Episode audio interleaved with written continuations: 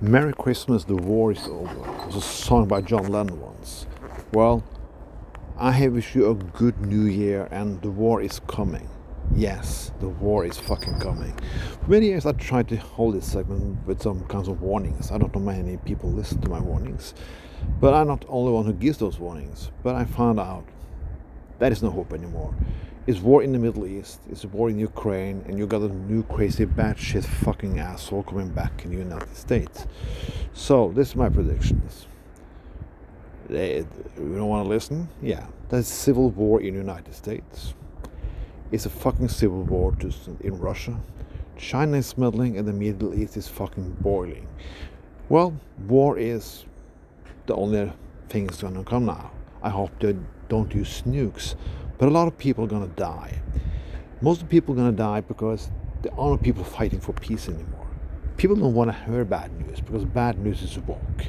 Woke this, woke that. Talk about joining hands together, woke. Talk about people's rights, woke. Woke, woke, woke, woke. So you cannot even talk about war. In the 80s, the 80s ended with a bang. It ended with peace. The Eastern Europe regimes fall apart and we got democracy again. But that was not fun for everybody. Democracy, peace, and quiet doesn't benefit the war industry, doesn't benefit people who make weapons, and doesn't benefit people who want more extreme ideology.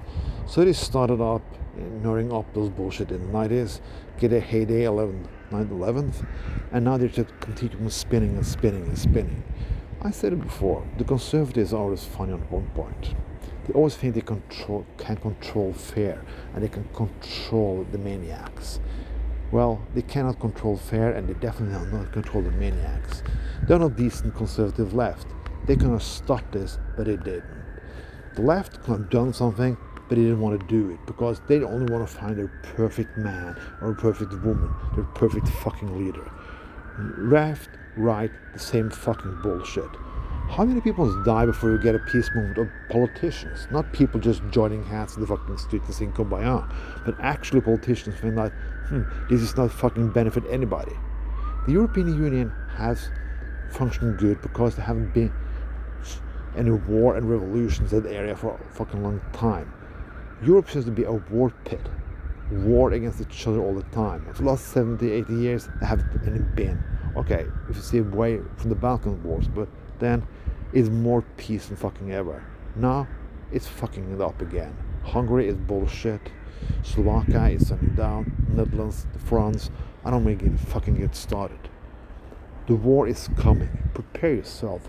Buy fucking guns. Buy survival kit. Well, I haven't even started about talking about North Korea and all the bullshit they are doing, but I can leave that to another time. This was Tron with Tron Tells the Truth. Have a fucking nice evening and hope you survive.